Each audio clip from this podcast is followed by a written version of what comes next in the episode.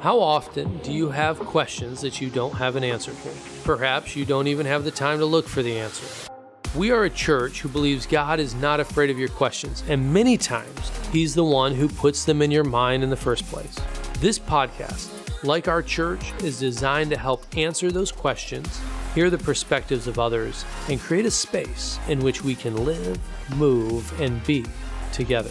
We look forward to sharing our perspectives and trying to answer some bothering questions. This is our series through the book of Ephesians, and today's question is What are the spiritual blessings that are found in Christ?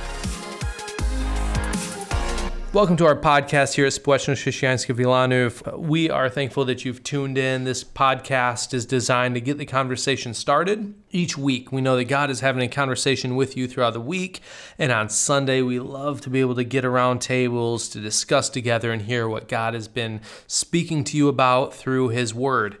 I am very excited for this next series that we're beginning today. Uh, today, we're going to be starting a series going through the book of Ephesians.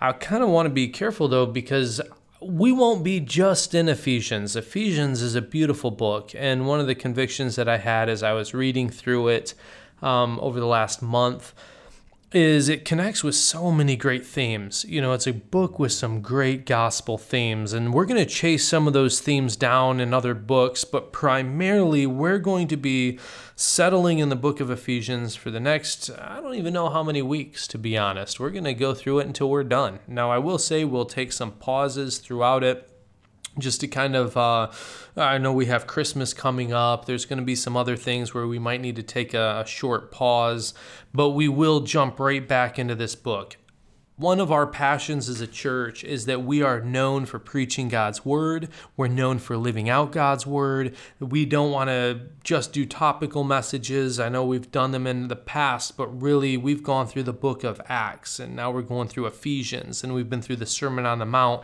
We love taking larger portions of scripture and just walking through them together to see what is God doing um, throughout his his word uh, but also throughout his world uh, as we think about our world and the way in which God interacts with us.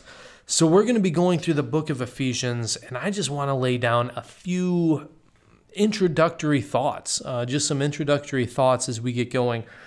Ephesians is an interesting book to me. Uh, the book was actually written by the Apostle Paul. He's been in a Roman prison and writing this approximately 30 years after Jesus has died. Uh, so he's writing this uh, about 30 years after Jesus has died. He's in a Roman prison, and it won't be but a couple of years before Paul's own death.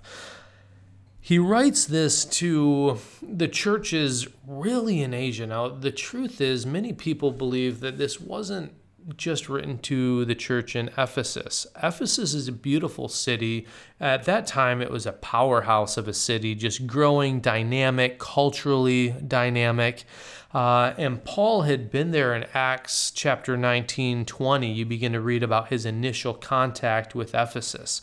He goes there, he preaches the gospel, and we often say in the context of our church, you don't plant a church, you plant the gospel, and out of that, a church grows. And that's exactly what happened in the city of Ephesus. Paul comes in, he preaches the gospel, and he preaches Christ, and people begin to be convicted by the Holy Spirit.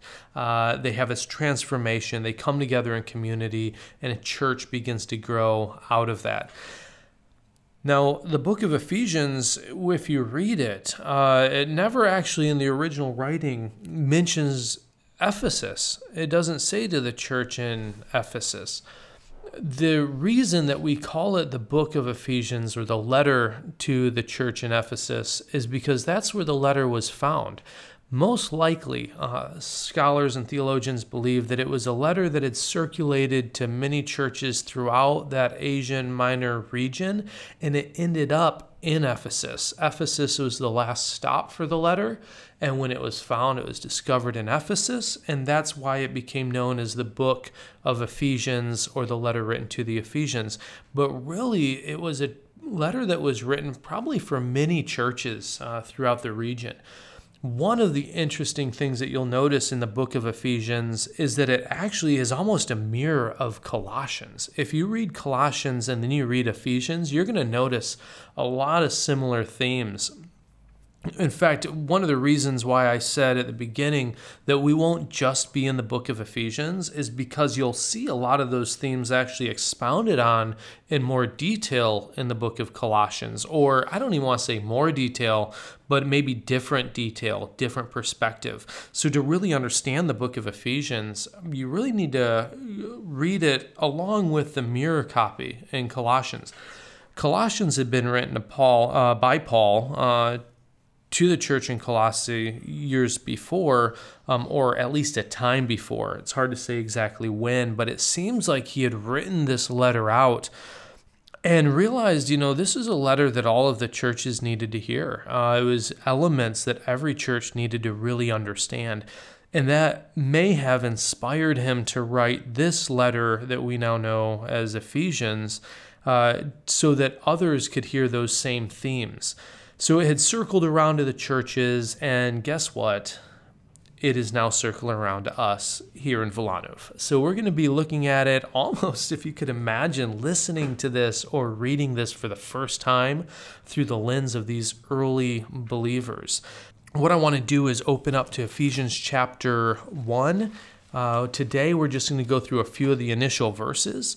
And I want to just kind of pull out some observations that I've made uh, in my own personal worship as I, as I have been studying this book, um, and even in preparation for the messages that you'll hear and the one on Sunday. So, Ephesians chapter 1 says this Paul, an apostle of Christ Jesus, by the will of God, to the saints in Ephesus, the faithful in Christ, grace and peace to you from God our Father and the Lord Jesus Christ. If I may, uh, just fun, interesting fact. You may already know this. In the letters that are written, you'll always notice that it is started with the person who wrote the letter. Um, Paul, an apostle of Christ Jesus. In our culture, we always end our letters with sincerely, Nate Berry, uh, or sincerely, whoever you are in the New Testament time, it was always written, the um, person who had written the letter always puts their name at the front. And the interesting fact behind it is because they were writing on scrolls. So, in order to be able to understand who it was from and who it was to, all you really had to do was unroll the first portion and you would be able to say, oh, okay, this is Paul to the saints in Ephesus or the church. The word Ephesus wasn't actually in the letter that was written. Um, but instead of having to open up the entire scroll to figure out who had sent this, you can just kind of look at that first line. So that's why these letters start with the writer, Paul, an apostle of Christ Jesus. And he says here in verse 3 Praise be to the God and the Father of our Lord Jesus Christ, who has blessed us in the heavenly realms with every spiritual blessing that is in Christ for he chose us in him before the creation of the world to be holy and blameless in his sight.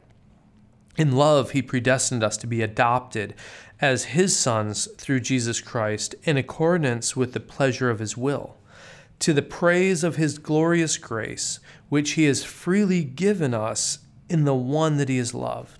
In him we have the redemption through his blood, the forgiveness of sin, in accordance with the riches of God's grace, that he lavished on us with all wisdom and understanding. And he made known to us the mystery of his will, according to the good pleasure which he purposed in Christ, to be put into effect when the times will have reached their fulfillment, to bring all things in heaven and on earth together under one head, even Christ in him we were chosen, having been predestined according to the plan of him who works out everything in conformity with the purpose of his will, in order that we, who were the first to hope in Christ, might be the for the praise of his glory. And you also were included in Christ when you heard the word of truth, the gospel of your salvation. Having believed, you were marked with him with a seal, the promise of the Holy Spirit, who is our deposit, guaranteeing our inheritance until the redemption of those who are God's possession, to the praise of his glory. One of the things that I always listen for as I'm reading is words that are repeated. If there's one phrase in here that is repeated over and over and over again, it's this phrase, in Christ. In fact, I'm going to encourage you sit down with your Bible and just kind of circle how many times you'll see the word in Christ, in Him. Uh, it's over and over because everything that we are as followers of Jesus is found in Christ everything. Our identity is found in Christ. Our understanding of God is found in Christ. The truths that we live out on a regular basis is found in Christ.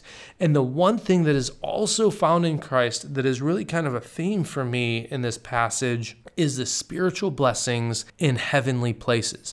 And what I did is I kind of went through this passage and pulled out 10 of these initial spiritual blessings.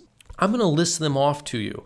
Blessing number one He chose us before the foundation of the world to be blameless and holy. He predestined us to be adopted as sons through Jesus Christ. Another blessing. In Him we have redemption through His blood, the forgiveness of our trespasses. It's because of His riches of His grace that He lavished on us, not because of us. The next one is the mystery of his will was to unite all things in him. In him we have an inheritance. We were predestined to his purpose so that we might be the praise of his glory. You were sealed with the promise of the Holy Spirit. These are 10 truths that appear in the first portion of this letter. But what are they truths for? They're truths of God's sovereign choice to adopt us, to adopt you into his family by placing us in Christ, thereby securing our salvation with the Holy Spirit as our seal.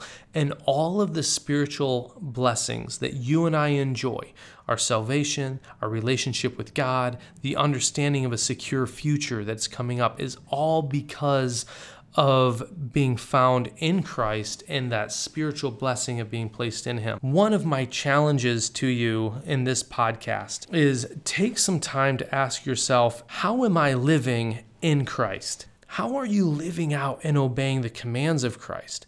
We're going to find out here in Ephesians that our salvation is not something that we do because of a set of actions. It's not because we behaved a certain way because we were good enough. Our salvation was based solely on Christ, it was solely on grace and only on what He has done for us. We have been adopted into a spiritual family. That is more powerful than some of your physical families. Some of you will experience more closeness, more connection with your spiritual brothers and sisters than you will with your physical brothers and sisters. So, as you read through this passage and as we begin to break this out more next week, my encouragement for you is ask yourself the question how am I living out my salvation and am I experiencing the blessings, the spiritual blessings that God has for us? the role of the church, we're not here necessarily to grow in big numbers. That shouldn't be our focus. The focus of leadership in a church is to ensure that the church is living under spiritual blessing. My passion for our church in Wilanów and the passion of our leadership is not just that we would grow but it's that we would make sure we stay underneath the spiritual blessings that God has. And when we see that people's lives are beginning to take them out from under the umbrella of God's blessing, where they will